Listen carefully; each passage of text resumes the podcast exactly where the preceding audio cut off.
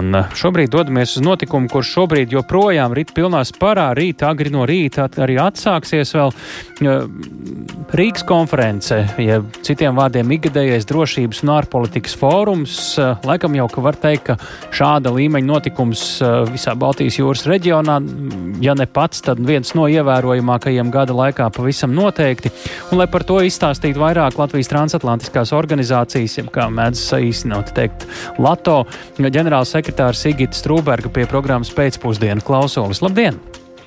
Labdien! Daudz darba un arī lieli svētki. Tā varētu droši vien to noskaņojumu raksturot, un ļoti daudz arī tādu um, nu, vērtīgu sarunu uh, gan uz skatuves, gan arī kuluāros. Kādi ir, kā jūs teiktu, šī gada Rīgas konferences galvenie virzieni? Skaidrs, ka kopsaucējs ir Ukraina, tad jau droši vien var ieskicēt arī jau, jau detalizētāk mazliet. Jā, protams, Ukraina ir šis kopsaucējs, bet es vēlētos pasvītrot, ka uh, karš Ukrainā uh, ir ne tikai stāsts par Ukrainu, bet tas ir arī par Krievijas mesto izaicinājumu visai rietumu demokrātiskajai sabiedrībai, rietumu drošības arhitektūrai. Un faktiski, ja mēs paskatāmies uz tēmu izkārtojumu, tad uh, pamatā tiek mēģināts atbildēt uz to, ko nozīmē NATO nākotne šajos apstākļos apstākļos, ko nozīmē globālā ekonomika, kādas ir piegāžu ķēdes, sankciju apstākļos, kas ir tie nozīmīgākie jautājumi Baltijas jūras reģiona drošībai un tam līdzīgi. Uh, šobrīd, kas jau ir izspriests, uh, kādi, uh, kādas sarunas ar kādiem virsrakstiem jau ir bijušas, varbūt arī jūs esat jau piefiksējusi kādus svarīgākos vēstījumus vai secinājumus, kas ir izskanējuši. To var tīri subjektīvi, jo es pieļauju citiem atkal būtu citi uzsvari. Nu, un kāda ir vēl atlikusī programma, jo konference vēl notiek šovakar un turpināsies arī visai spraigi rīt? Jā, jā, noteikti. Mēs esam tikai tādā vidū, līdz ar to es aicinu klausītājus, ja ir interese meklēt mūs dažādos mēdījos, jo šogad tiešām mēs esam strādājuši pie tā, lai konferences saturs būtu pieejams arī latviešu valodā, līdz ar to ir iespējams atrast konferences diskusijas tulkotas latviešu valodā un skatīties vai nu ierakstus tām diskusijām, kas jau bijušas, vai, vai arī skatīties un klausīties tās diskusijas, kas vēl būs. Tātad gan latviešu, gan angļu valodā un patiesībā šogad arī krievu valodā tad tās pamata. Tas tā kā tiešraidē, vai pat... sekojot līdzi, ir jau tulkojums? Vai tiešraidē, jā, jā, tieši tā, tiešraidē ir jau tulkojums. Droši var paskatīties mūsu Facebook tīklā, kurā varēs redzēt, kur tad var atrast, kurā valodā, atkarībā no tām vajadzībām mm -hmm. un intereses. Jā. Savukārt, tā kā jūs jautājāt par to, ka, kas, kas tad, ko tad es esmu pasvītrojusi, tad, manuprāt, tas, kas man likās likās būtiski, ka šogad uh, diskusija, ko mēs veidojām par austrumu partnerību, kas uh, transformējās Eiropas Savienības integrācijā, mēs aicinājām runāt tieši pašu, pašu šo valstu pārstāvis - Grūzijas, Moldovas, Ukrainas pārstāvis.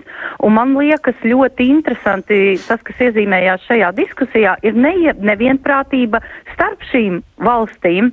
Un, un tās iekšējās diskusijas, kas te starp valstīm, kas radās dodot tam platformu runāt un stāstīt uh, rietumiem, ko tad uh, pašas šīs valstis sagaida no uh, tālākā eiro integrācijas procesa. Un, un te arī tā nākošā diskusija, bija, kas bija par Ukrainu un mieru Ukrainā, šeit, manuprāt, ļoti interesanti, ka izveidojās tāda visai tieša saruna ar Ukrainas, pār, Ukrainas pārstāvjiem, ar um, gan rietumu ekspertiem, gan arī šeit no Baltijas valstu reģionu pārstāvjiem, kad, uh, kad Ukraiņiem arī diezgan tieši tika jautāts, kāda veida palīdzību Ukraina sagaida, uh, nu, kas būtu tas nepieciešamākais. Un, un, un, un te tad mēs dzirdējām, protams, nepieciešamību pēc ieročiem, bet bija arī citi aspekti, kas tika atzīmēti kā būtiski. Uh, un, manuprāt, te atkal tā, tā, tā, tā labā lieta šai sarunai bija, ka tie bija paši Ukraiņi, un mēs ļoti stingri pieturējāmies pie principa, ka mēs nevedam nekāda veida sarunas par Ukrainu, par Ukrainas nākotni bez pašiem Ukraiņiem. Mm -hmm. nu, e, ko mēs neieskicējām par pašu Rīgas konferenci vēl ar tās mērogu un uh, ekspertīzes dziļumu un lielumu un svarīgumu. Nu, kas tad šeit ir pie mums atbraukuši šoreiz, ko jūs gribētu uzsvērt? Tas līmenis ir visaugstākais. Tas līmenis tiešām vis, ir visaugstākais, un uh, faktiski to, ko mēs redzam, uh, kas, manuprāt, tā ļoti labi raksturo līmeni, protams, ir Eiropas komisijas viceprezidents uh, Dombrovska kungs, uh, Bražes kundze, kas ir NATO ģenerālsekretāra vietniece, uh, bet arī bez šiem ļoti augstajiem Latvijas pārstāvjiem mēs šeit uh, šobrīd tikko beidza uh, sarunu uh, uz skatuves Anna Palācijo, kas ir bijusi uh, Spānijas ārlietu ārlietu ministra, bet šobrīd tiek uzskatīta viena no tādām vadošajām ekonomikas uh, ekspertēm un ir pieprasīta visā pasaulē arī ārpus Eiropas robežām. Tāpat mēs rītā dzirdēsim runājam par sievietes miers un drošība jautājumiem Portugāles aizsardzības ministri. Te, te ir ļoti daudz uh, to, to vārdu skaļo, ko saukt. Uh, šobrīd, šorīt no rīta diskusiju uh, aizsāka kopā ar mūsu valsts prezidentu arī Hoigasona kungs, kas šobrīd kopš šī gada ir uh, Minhenes uh, fóruma uh, vadītājs. Mm -hmm.